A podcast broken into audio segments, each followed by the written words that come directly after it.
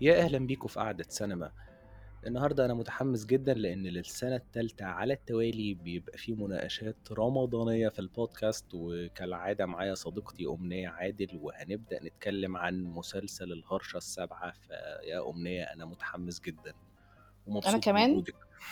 أنا كمان متحمسة جدا ومبسوطة جدا وفعلا السنة التالتة وحاجة يعني أتمنى إن هي إن شاء الله تستمر والناس كمان تبقى مبسوطة أوي بنتكلم. يعني. آه فاهم؟ بالمواسم بعد كده.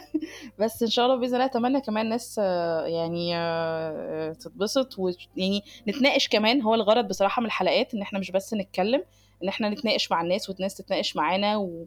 ونتشير مع بعض الحاجات اللي إحنا آه، حابينها أو الحاجات حتى اللي إحنا ممكن نكون حابين إن إحنا ندردش عنها أكتر يعني. فيلا بينا. آه، مسلسل الهرشة السابعة كان منتظر بشكل كبير آه، نفس الكاست بتاع آه، خلي بالك من زيزي. معظمه يعني البطلة أمينة خليل والناس اللي شغالة ورا الكاميرا نفس فريق الكتابة تقريبا أو نفس الورشة وكريم الشناوي في الإخراج. فأنتي كنتي متحمسة زي الناس ولا كنتي برضو حاسة إنه ممكن ما يبقاش مظبوط قوي في حكاية تكرار التجارب؟ آه، بص هقول لك اولا آه، يعني الورشه نفسها لما كانت عملت مثلا خلي بالك من زيزي ولما بعد كده مثلا عملت مثلا مين قال وبعد كده رجعنا تاني في الهرشه السابعه نتعاون مع كريم الشناوي وتقريبا نفس ال- الكرو الخاص بال ورا الكاميرا حتى الموسيقى خالد الكمار وهكذا. ده كان في حد ذاته شيء مبشر بالنسبة لي. بس في لحظة ما آه، كان عندي تخوف بشكل أو بآخر إن إحنا كأننا نكون بنلعب في نفس الدايرة شوية. آه، بس أنا دايما يعني هقول لك أنا دايما بيبقى عندي ثقة شوية أو يعني الورش السرد كانت بانت ثقة مع الجمهور. وبالتالي آه، أنا كنت متوقعة حاجات بصراحة ما شفتهاش.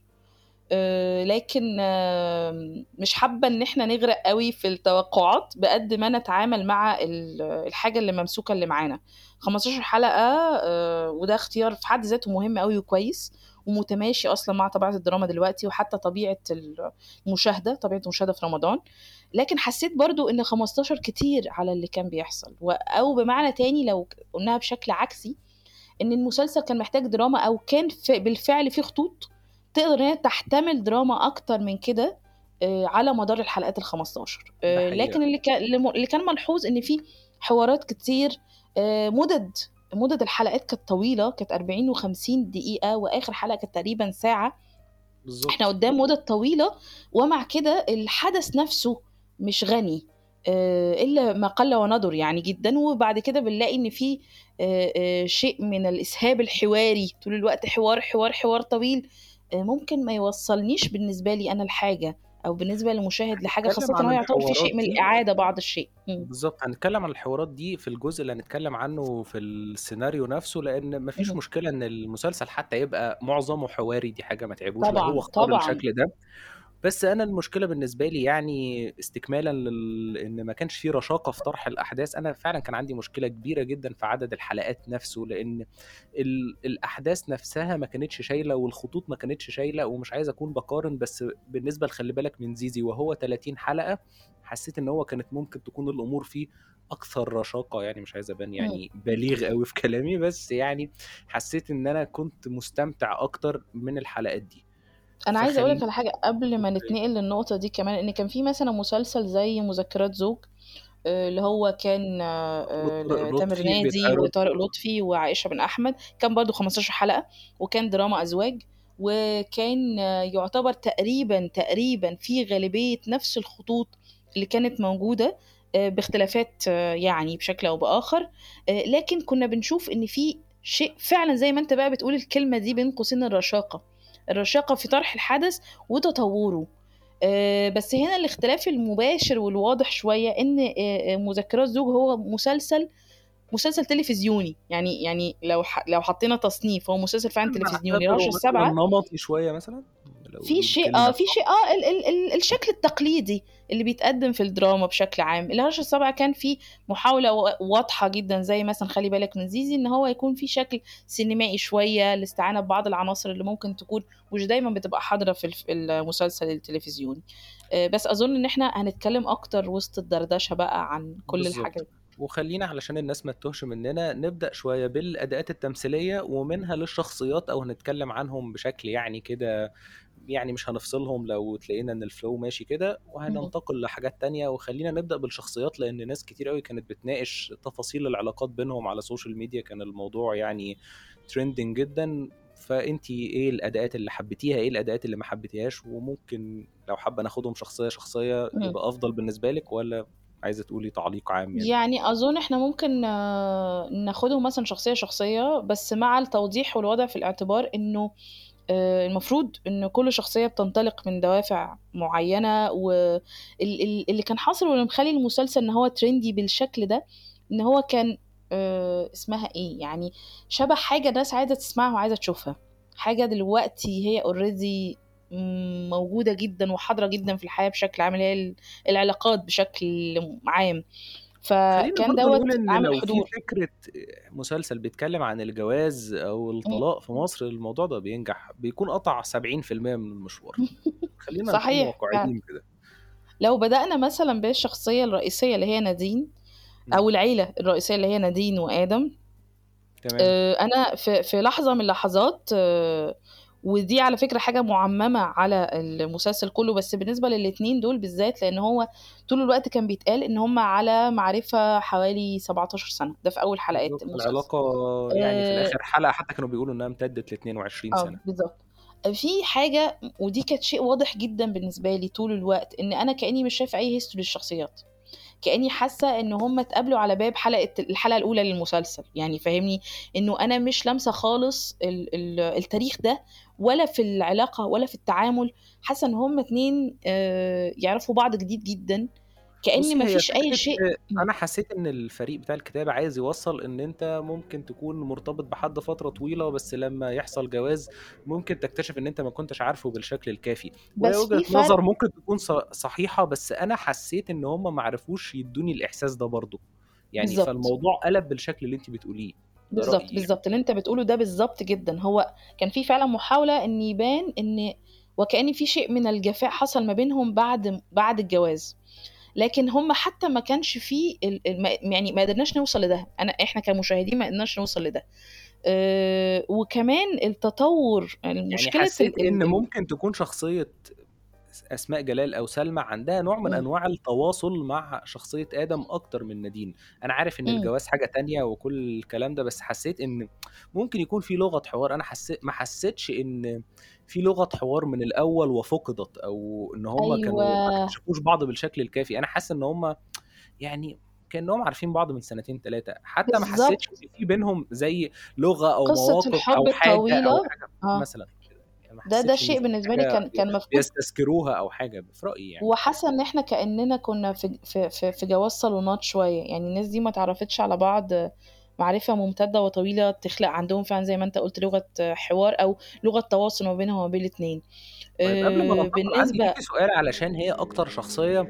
جدلية من ناحية الأداء تحديدا أنت شفتي. تمثيل أمينة خليل إزاي في المسلسل أنا بشكل شخصي بشوف إن أمينة ممثلة جيدة وأحسن من. غيرها بس ما هيش ممثلة من ال... يعني من التوب في مصر يعني أو. في ناس كتير أحسن فانت شايفة هقول إن لك. أدائها كان سيء ولا هقول لك وجهة نظري. المسلسل ده بالذات بالكتابة دي بالطريقة دي م- هو بيعتمد على أداء تمثيلي مرتبط ما بين حاجتين إن يكون في تعبيرات تعبيرات أد- في الأداء نفسه وكمان آه، أداء يحمل أكتر من من من يعني أكتر من طبقة أكتر من حاجة عايز يوصل أكتر حصل من يمكن مع معنى. علي أنت شوية ممكن وهنتكلم تكون عن حكايته دي شوية لأن بالظبط. هو أنت برضه في ممكن تعليق تكون كده على الاداء ممكن ت- ممكن تكون مثلا بتتكلم مثلا بتون حزين بس أنت ممكن تكون فرحان ممكن تكون بتتكلم بتون سعيد بس أنت فعلا من جواك حزين وده المفروض إن هو ينعكس على أداء الممثلين. أمينة خليل زي ما أنت قلت فعلا هي ممثلة جيدة جدا جيدة بشكل فعلا عام. لكن آه، طبيعة الأداء دي إحنا محتاجين يا إما يكون في توجيه مخرج واضح جدا جدا جدا وتعايش مع الشخصية بشكل كبير يقدر يخلق الطبيعة ديت في الأداء إن هو يكون في تعبير عن ال- الشخصية نفسها عايزة إيه. هي هي عندها شعور ما بالمظلومية أصلا. هي ك ك كشخصية نادين دي عندها شعور إنه أنا في شيء المفروض يبقى عندي هو مش عندي. عندها شعور بالاستحقاق بشكل واضح. ده ما كانش ده في الأداء أنا حسيت إن كان في nerve طول الوقت في nerve عالي بالضبط، و يعني ومش مش باشوف إن مفهوم. هي شخصية شريرة، هي كانت في لحظات لأ. أعتقد من أداء أمينة وصل للناس إن هي شخصية شريرة، بس أيوه، ده ده اللي وصل إن هي لمسة متطلبة. استفزازية إمم. للأمور في لحظات أنا حسيتها مش في مكانها في رأيي، هي عن هي بالضبط. كانت استفزازية فعلًا في بعض الحالات، ولكن في حتت كده أخدنا وقت طويل لحد ما تبان إن هي برضه يعني مش شريرة تمامًا، يمكن وصلنا لنُص. الحلقات على أمّا ده بدأ يظهر يعني. صحيح، صحيح، وده فعلًا كان بالنسبة لي شيء أحيانًا كتير كان بي بصراحة بيزعّلني شوية، يعني مثلًا المشهد بتاع المواجهة بتاع المطبخ ده، لا يُعتبر من أفضل المشاهد اللي في المسلسل رغم إن هو مشهد طويل، آآ لكن آآ المشهد ده كان ممكن فعلًا يبقى حقيقي زي ما بيقولوا كده في حتّة تانية، خاصةً مع أداء محمد شاهين اللي هو يُعتبر واحد من أفضل الأداءات اللي في المسلسل، بل يكاد يكون أتصوّر إن هو أفضل أداء. أنا عندي تعليق يعني إن إمم. ما كانش في داعي إن هو يبُص على الغسالة هي ممكن آآ لأ، ما هي دي بسيطة، تفصيلة هنتكلّم فيها فعلًا يعني دي أنا ما في ال حبيتهاش يعني لو إحنا مش هنرجع للمشهد ده يعني تاني، بس يعني أنا التفصيلة دي فصلتني شوية، أنا لإن هي كانت حسيت إن هتبقى في حلوة شيء لو من في. الرمزية، في شيء من هي في الرمزية شيء من الفجة، أنا الرمزية، لا، لأ، يعني أنا بس لسه مش هاكمّل. لدرجة إن الشخصية ناقص تقول لنا أنا بصيت يا جماعة آه. بصوا معايا يعني. يعني الر الرمزية الفجة دي أحيانًا بتبقى مشكلة شوية لمّا نكون إحنا كإننا عايزين ندّي المشاهد المعلومة يعني فاهم، نوصّلها لك بقى لحد باب البيت يعني بالضبط إنه يعني. دي دي يعني كانت رمزية بصراحة أنا شايفة إن هي في في غير محلها شوية، لإنها أنت already مقوّم المسلسل على آآ حالة من حالات الاستكشاف، فمش بالضرورة إن أنت تيجي تدّيني المعلومة بالشكل ده، زي حتى ما تم التعريف عن مسمى الهرشة السابعة أو مصطلح الهرشة السابعة يعني، اللي كان حصل من قِبَل حنان سليمان الممثلة فيفي اللي كانت بتلعب دور فيفي، بس ال اللي قصدي عليه استكمالًا لمثلًا الموضوع بتاع المشهد بتاع المطبخ ده والمواجهة ده، الأداء التمثيلي من محمد شاهين كان أكتر من رائع، هو وال شاهين إدارة ممتاز جدًا. الكاميرا كانت ممتازة، لكن أداء أمينة خليل كان بيقلل من قوة المشهد، وده شيء في حد ذاته مؤسف، وعلشان المفروض هي هنا برضه مُجحف يعني هي إمم. أدائها كان متأرجح، كان في لحظات كويسة وفي لحظات مش معاك. كويسة، وده كان مُربِك أكتر، يعني هي لو. وحشة على طول خلاص أوكي يعني تمام، بس هي هو الأداء هو المتأرجح ده أحيانًا بيبقى برضه مش لطيف يعني. هو ده نقدر نستخلص منه حاجة إن هي فعلًا ممثلة عندها قدرة إن هي تقدر تطوّر من نفسها، وكمان في هنا نقطة مهمة وهي إدارة المُخرج، ناس كتير بتتغافل إنه قيمة الممثل طبعًا مهمة، بس إدارة المُخرج ليه أحيانًا ممكن تخلّي الأداء فعلًا، فعلًا مختلف ومُعبّر. آآ لو بصّينا على الكاركتر التاني أو مثلًا ال ننتقل بقى العلاقة لشخصية التانية شاهين اللي هو آدم الأول، آه. في أي تعليق عايزة تقوليه قبل ما ننتقل للخط التاني؟ أنا شايفة بصراحة إنه آآ ات أكتر شخصية تم كتابتها تقريبًا بشكل فيه آآ نقدر نقول إيه، مرتبط بال بال بالحالة الواقعية، كانت أكتر شخصية صادقة بالنسبة لي، بالضبط. و وفيها فيها شيء كده من من الحقيقة، يعني أنت كإنك ممكن تشوف و الشخص ده فعلًا، وشخ بالضبط، وشكله بدوافعه، موجود كتير، بطريقته، يعني هو مش بالضبط، شخصية من النوعية المميزة بمظهره، أوي. وعلى يعني فكرة حتى برضه بمظهره. الcasting بتاع شاهين في الفكرة دي في النقطة دي كان كويس جدًا، لإن كمان محمد جدًا. شاهين اللي هاقوله ومغامر. يعني ممكن يكون فيه إن هو عيب فيه، بس لأ مش كده خالص، بس محمد شاهين ما بيدّينيش إحساس هو شرير والّا طيب، أنا باحسّه شخص عادي إمم. جدًا، فده بيدّي له مساحة كبيرة جدًا إن هو مثلًا زي ما بدأ كوميدي في الأول في تامر. وشوقية وفي تومس في الكبير، وبعد كده انتقل لشوية أدوار شريرة، وفي موضوع عائلي كنا لسه متكلمين إن هو إمم. يعني الشخص الشرير العبيط في نفس الوقت، فهو وشه يعني مدّي له قماشة تمثيلية واسعة، فدي كان اختيار كويس جدًا، لإن ده شخص إحنا ممكن نشوف منه كتير أو من نوعية رجالة ممكن نشوف منه كتير، فوجوده برضه كان مساعد في رأيي يعني. صحيح، صحيح معاك جدًا، وخاصةً إن هو كمان دعّم دوّة بأداء تمثيلي فعلًا، فعلًا ساند المسلسل جدًا، جدًا، جدًا، جدًا. باعتبر إن هو أفضل أداء تمثيلي في المسلسل بصراحة، ده حقيقي. يعني وأتمنى، أتمنى، أتمنى إن هو ممكن ما يكون نقولش بعد إن هو كده الأداء الأفضل ليه يا إمم. رأيي الأداء الأكثر اكتمالًا، لإن كل الباقيين حتى لو في آآ ليهم لحظات أقوى من شاهين، ولكن كان بيشوبها عيوب برضه، ده في إمم، رأيي يعني. الأداء الأفضل بمعنى إن هو ال زي ما أنت بتقول إن هو أنت تشعر إن الشخصية نفسها أنت ماسكها في إيديك، أنت بالضبط، وليه شايفها لحظات ممكن آآ تتعاطفي معاه، وليه في لحظات اللي هو إيه اللي أنت بتعمله بالضبط، ده؟ بالضبط، يعني ودي يعمل تعتبر د ده فعلًا بجد الشخصية الإنسانية، يعني إحنا لو هنتكلم هنا ده الجانب الإنساني مش الكاريكاتيري بقى اللي ممكن تشوفه في شخصيات تانية موجودة داخل المسلسل كمان، يعني داخل مسلسل فيه زي ال ال شخصية الأنواع دي. اللي لعبتها حنان سليمان اللي كانت إمم. غريبة جدًا وادّت بُعد كرتوني جدًا للقصة يعني. بالضبط، هو هو مع الأسف ال الكتابة نفسها بعض الأحيان كان عندها تركيز على شخصيات بعينها وتغافلت شخصيات تانية هي كانت حطِّتها معانا جوّه الأحداث. لكن مسألة إن إحنا نقدر نعمل توافق مع كل الخطوط الدرامية، ده برضه هنيجي عن ع وإحنا بنتكلم على الكتابة أكتر. ننتقل بقى. للثنائي الآخر علي بالضبط. قاسم نبدأ بيه، لإن هو شخصيته كانت يعني إمم. آخدة مساحة كبيرة جدًا في النُص التاني من آه، المسلسل. جدًا. أنا حبيت أداء علي قاسم جدًا وشايف إن هو عنده ميزة نادرة شوية، إن هو عنده قدرة إنه يعكس هو بيفكّر في إيه، ودي حاجة صعبة. يعني حتى لمّا كان حد بيتكلم إن في حاجة فيها ظُلم أو حاجة في الفرح بتاع عفيفي، كان وشه متماشي مع كل كلمة، ولكن علي قاسم عنده عيب قاتل إن عنده مشكلة غريبة في مخارج الحروف. شكرًا إنك قُلت كل الكلام ده، لإن أولًا آآ دي الحاجة اللي أنا كنت باتكلم عنها في الأول لمّا كنا بنتكلم فده عن اللي خلّاني خليل. قُلت إن شاهين إن أكثر اكتمالًا، لإن هو مغطي ده ومغطي ده ومغطي ده، علي قاسم رامي تُقله كُلّه في التعبيرات وكُلّه، ولكن. في الحوار بيفقد شوية من قيمته كممثل يعني.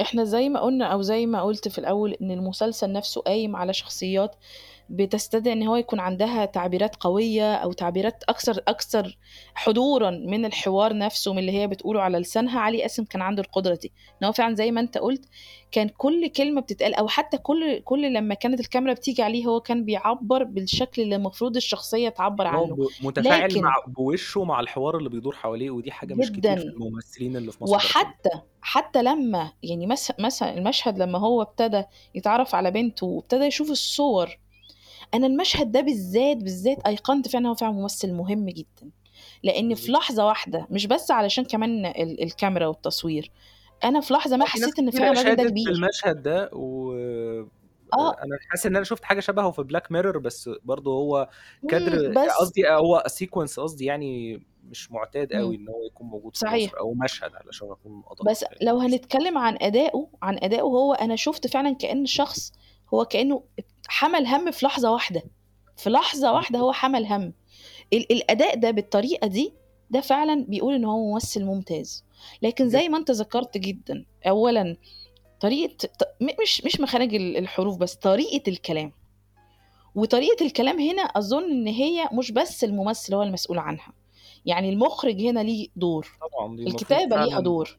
يتم التركيز عليها، ولكن هي طريقة هو الكلام كان بس خُد بالك هو كان ده مقصود. بسبب الطبقة الاجتماعية بتاعته يمكن شوية، كنت هو لسه جاي هاقول لك. ولكن ال المخارج نفسها يعني في لحظة كده اللي هي كان اتخانق فيها مع أسماء جلال في الآخر إن هم هي افت افتكرت إن هو بيتقدم لها علشان يتجوزوا، فهو بيقول لها: "لأ، طب تعالي نعيش مع بعض."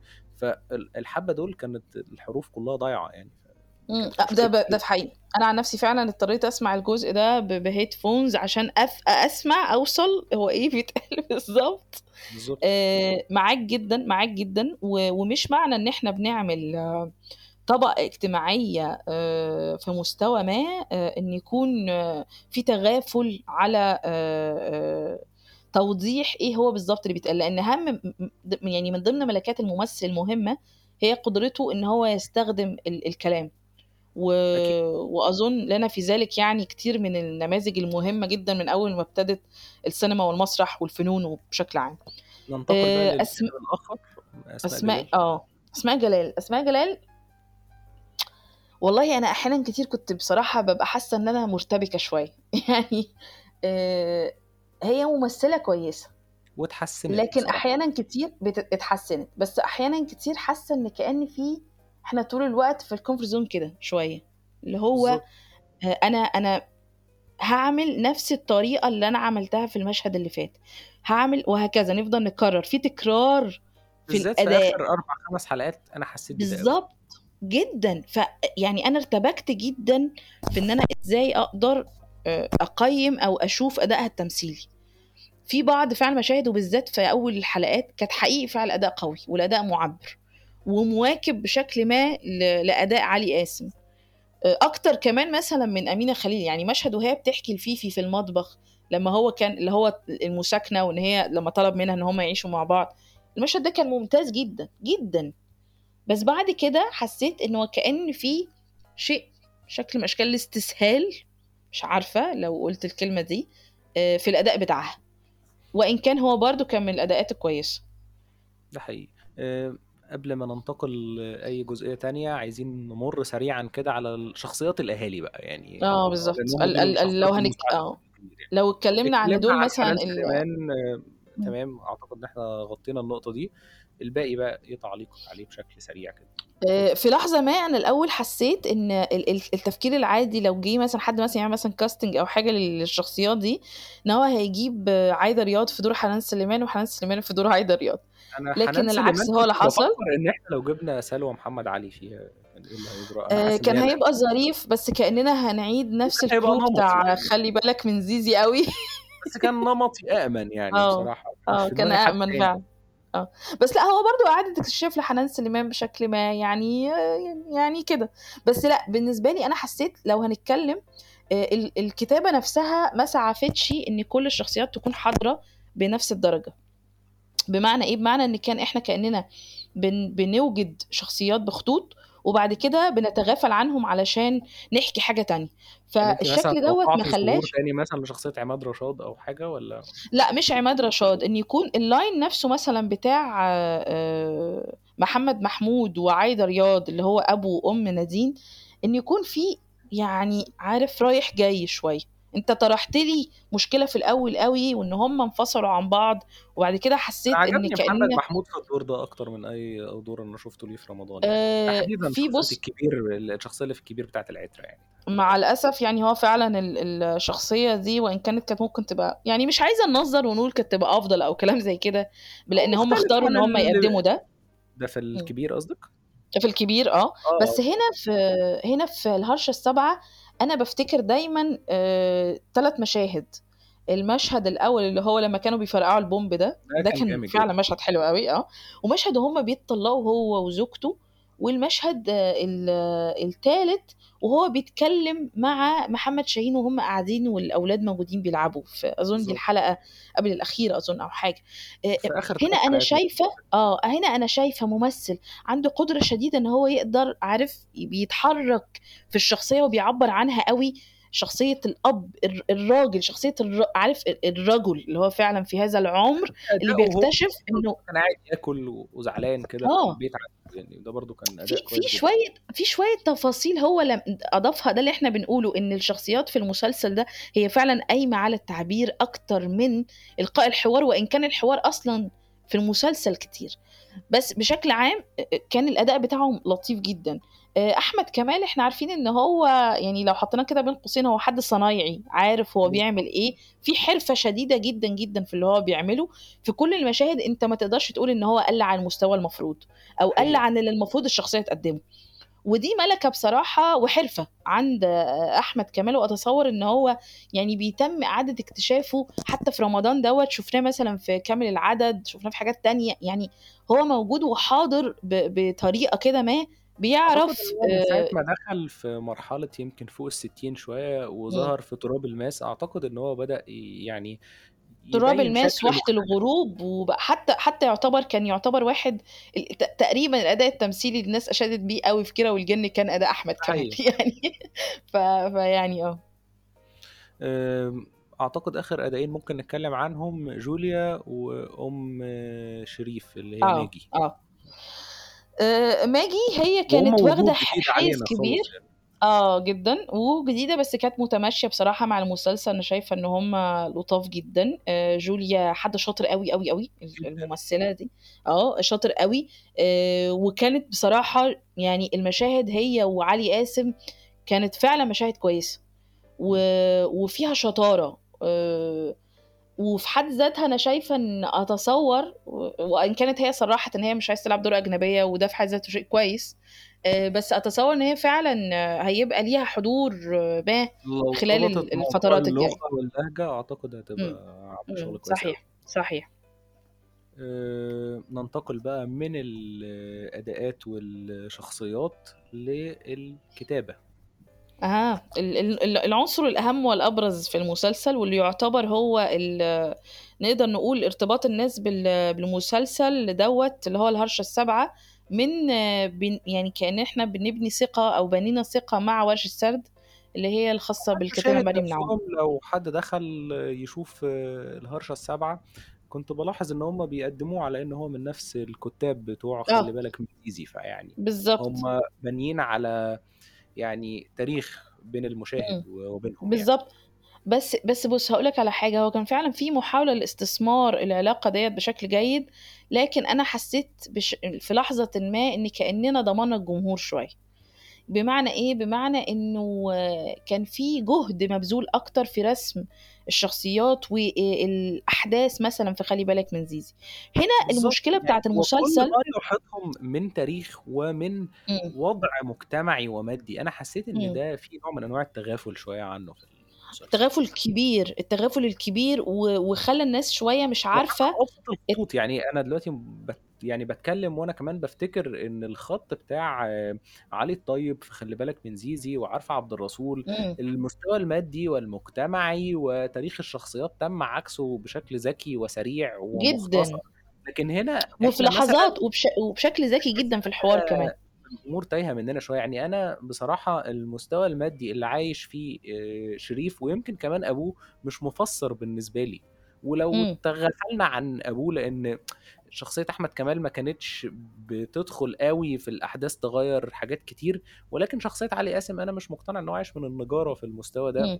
فحسيت إن ده بيخلّي في نوع من أنواع عدم الارتباط شوية أو بُص هاقول لك. على حاجة، هو كان في محاولة كده ما وده كان واضح أوي في المسلسل، إن إحنا بنناقش العلاقات مش من الزاوية ال أو بمعنى تاني إنه الأمور المادية مش هي المؤثر الوحيد على فشل أو نجاح العلاقات، وده ملمح في حد ذاته جيد، بس أعتقد إن الشخصيات عامةً في الكتابة بتحتاج إن هي تبقى ليها زي تاريخ بتوضّح لها، بالضبط. حت حتى لو إحنا م يعني ما اتقالش، ولكن ممكن يتم عكسه بشكل أو بآخر. حسيت إن ال الbio بتاع الcharacters نفسها أو إمم. تاريخها أو الملف بتاع الشخصية نفسه، ما تمش الاعتماد عليه أوي في الكتابة يعني، ده صحيح. رأيي. هو كان في عنصرين مهمين بصراحة، إن أولًا كان في شيء من التساهل الشديد، الشديد، الشديد في الحلول الاقتصادية، آآ عشان نقدر نخلّي الشخصيات تتطوّر وتتغيّر، دي نقطة، سواء مثلًا كان مع آدم أو مع نادين أو مع شريف.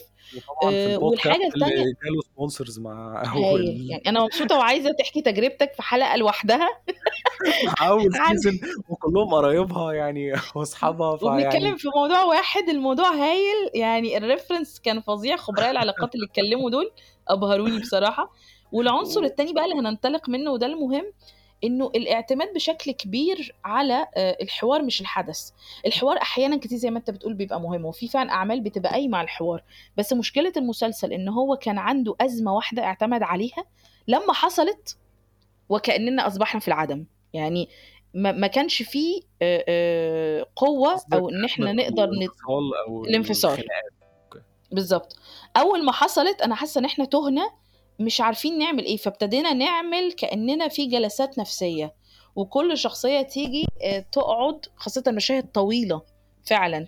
بتحكي، في حكي كبير، والفضفضة دي في حد ذاتها دراما، الفضفضة لطيفة، بس هنا هنا أنا المفروض قايم على حدث المفروض إن هو يبقى أكثر جاذبية، يعني بعدين يا أنا من حسيت إمم. إن في اللحظات بتاعة الpodcast ولحظات الtherapy أو الكلام نفسها، أنا حسيت إن ده مش منطق الشخصيات أوي، حسيت إن هو كلام على المؤلف لسان عايز. يقوله لنا،. وده طبيعي إن ممكن مؤلف ينقل أفكاره على لسان بعض الشخصيات، أكبر المخرجين بيعملوها، بس مش لدرجة إن إحنا نبدأ نكون في محاضرة أو أو إمم. المخ أيوه، المؤلف عايز صحيح. يقول لنا حاجة برّه منطق الشخصية، يعني في نقطة برّه منطق الشخصية، لفت نظري جدًا إن آآ أسماء جلال في أول حاجة إحنا كنا حتى بنتكلم قبل التسجيل إمم. لمّا كان الدكتور النفسي بيسألها يعني إيه اللي مزعّلِك، قالت له إن أنا ما اختبرتش شعور الأو الأمومة وهو ما اخت ما يعني ما اختبرش شعور الأبوة معايا في أول لحظة، يعني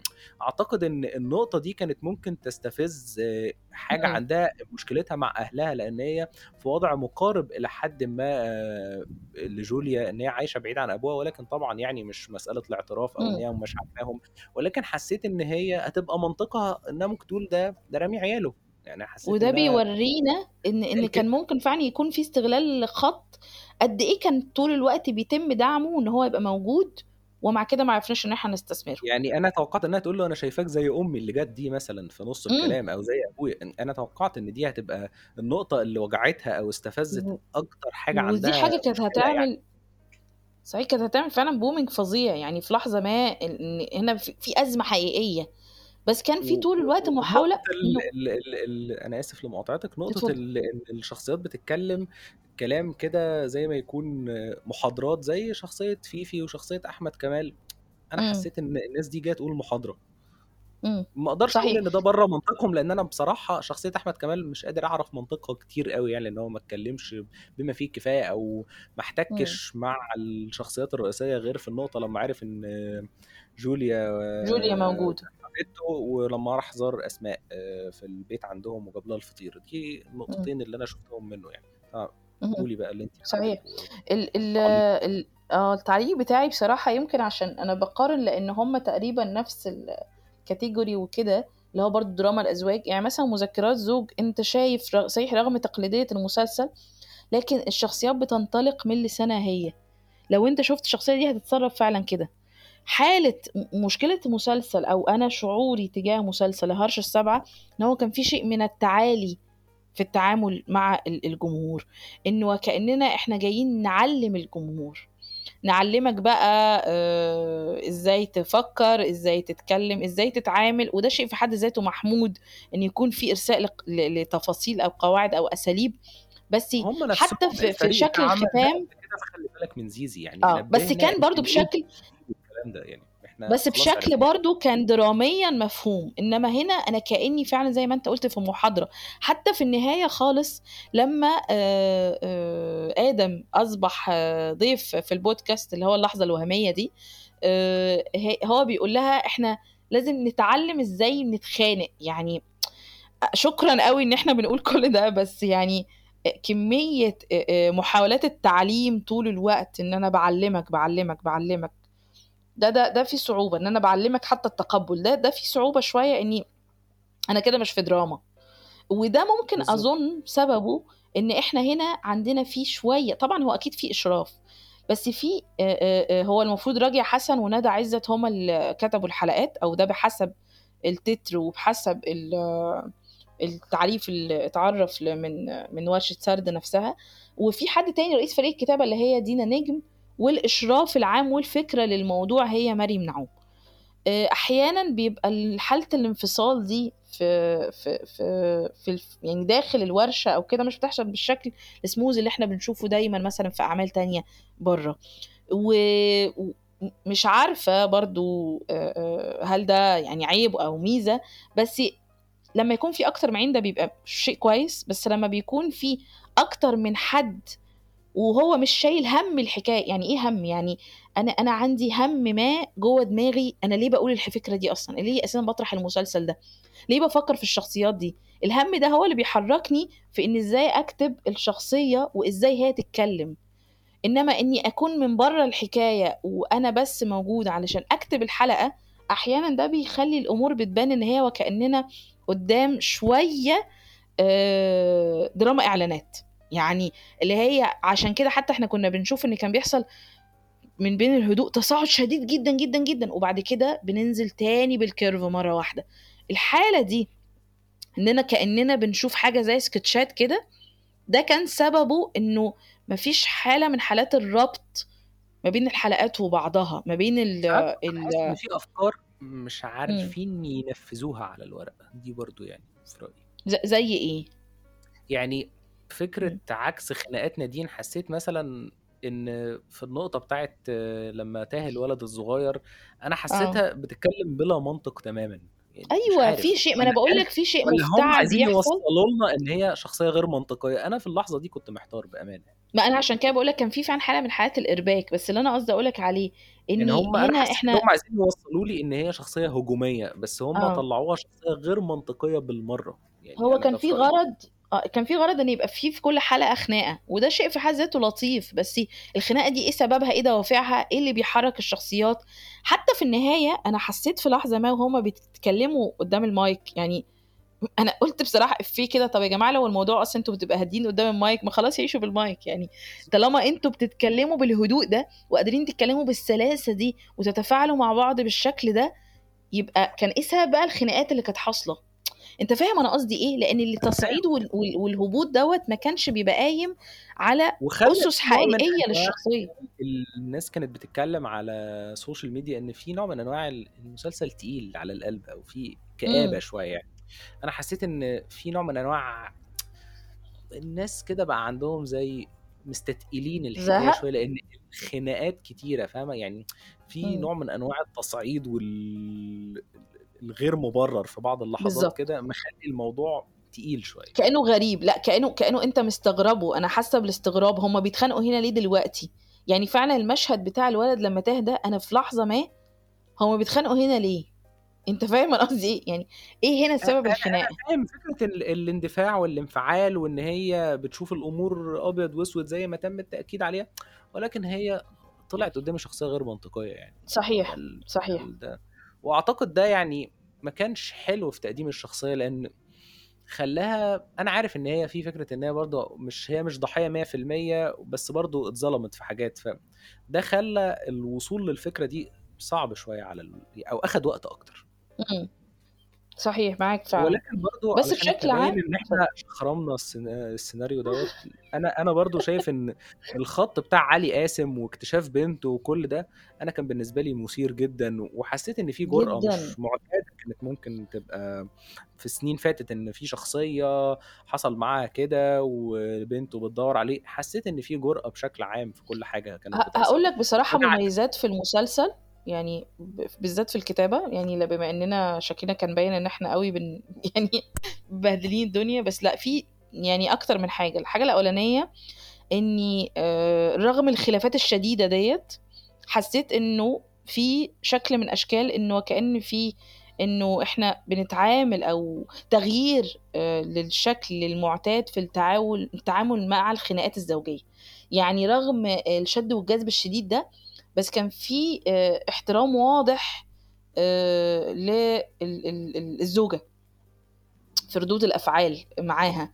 آآ الحاجة كمان المهمة التانية طرح أفكار هي جديدة وأحيانًا تكون صادمة للمشاهدين عندنا، زي مثلًا مسألة المساكنة، زي مسألة البنت اللي ظهرت ليه في لحظة من اللحظات، وحابة أقول إن أصلًا الcharacter بتاع علي قاسم شال كتير أوي من الدراما، يعني هو كان كان. شايل كتير من الدراما اللي كانت برضه كان في ذكاء إن مثلًا إحنا ما لجأناش بقى لمشاكل الضرب وكده، لإن هي تم. فيها حاجات كتير أوي، وحتى بس هو كان مسك إيدها أو كده، يعني ده كان ممكن نقول نوع التعنيف اللي حصل، ولكن إمم. موضوع الضرب يعني كان واضح في مسلسلات كتير جدًا وإن هو مشكلة كبيرة صحيح. طبعًا، ولكن إحنا هنا بنقول برضه إن ممكن حد يبقى عدم التفاهم برضه بيسبب مشكلة، فده كان نقطة كويسة صحيح. إن هُم مركّزين عليها، ما كانش في couple يعني ال الست فيه بتتلطش صبح وليل مثلًا، إن بالضبط، ده. برضه حاجة كانت مهم إن هُم ينوّروا عليها يعني.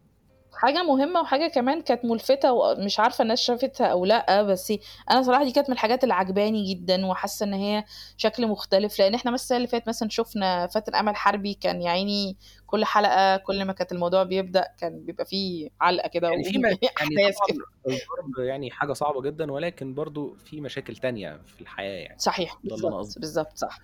إمم. ننتقل بقى أعتقد للجانب الأخير في المناقشة بتاعتنا، وهو اهم. الإخراج وشغل كريم الشناوي وما يحيطه يعني. آآ عندِك كريم الشناوي التعليقات.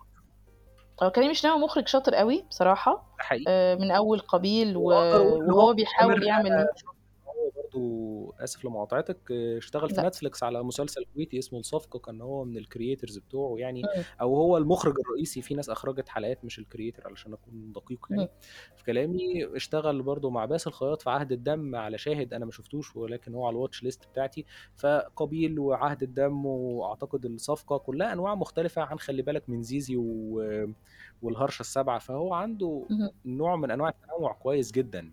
بالضبط، صحيح معاك. هو هو بصراحة أولًا آآ شاطر في إدارة المشاهد رغم يعني إحنا مثلًا هنا مثلًا في الهرشة السابعة المشاهد طويلة، آآ غالبيتها مشاهد طويلة، بس هو عنده قدرة إن هو يقدر يقدّمها بشكل سَلِس وإيقاعيًا بتحس إن أنت طول الوقت حتى اختياراته البصرية فيها من الذكاء وفيها كمان من الاستحضار السينمائي آه، الغير معتاد شوية مثلا على ال- التلفزيون وبالتالي ده بيخلق يعني حالة كده من ال يعني انت بتحس الموضوع فريش قوي و... و...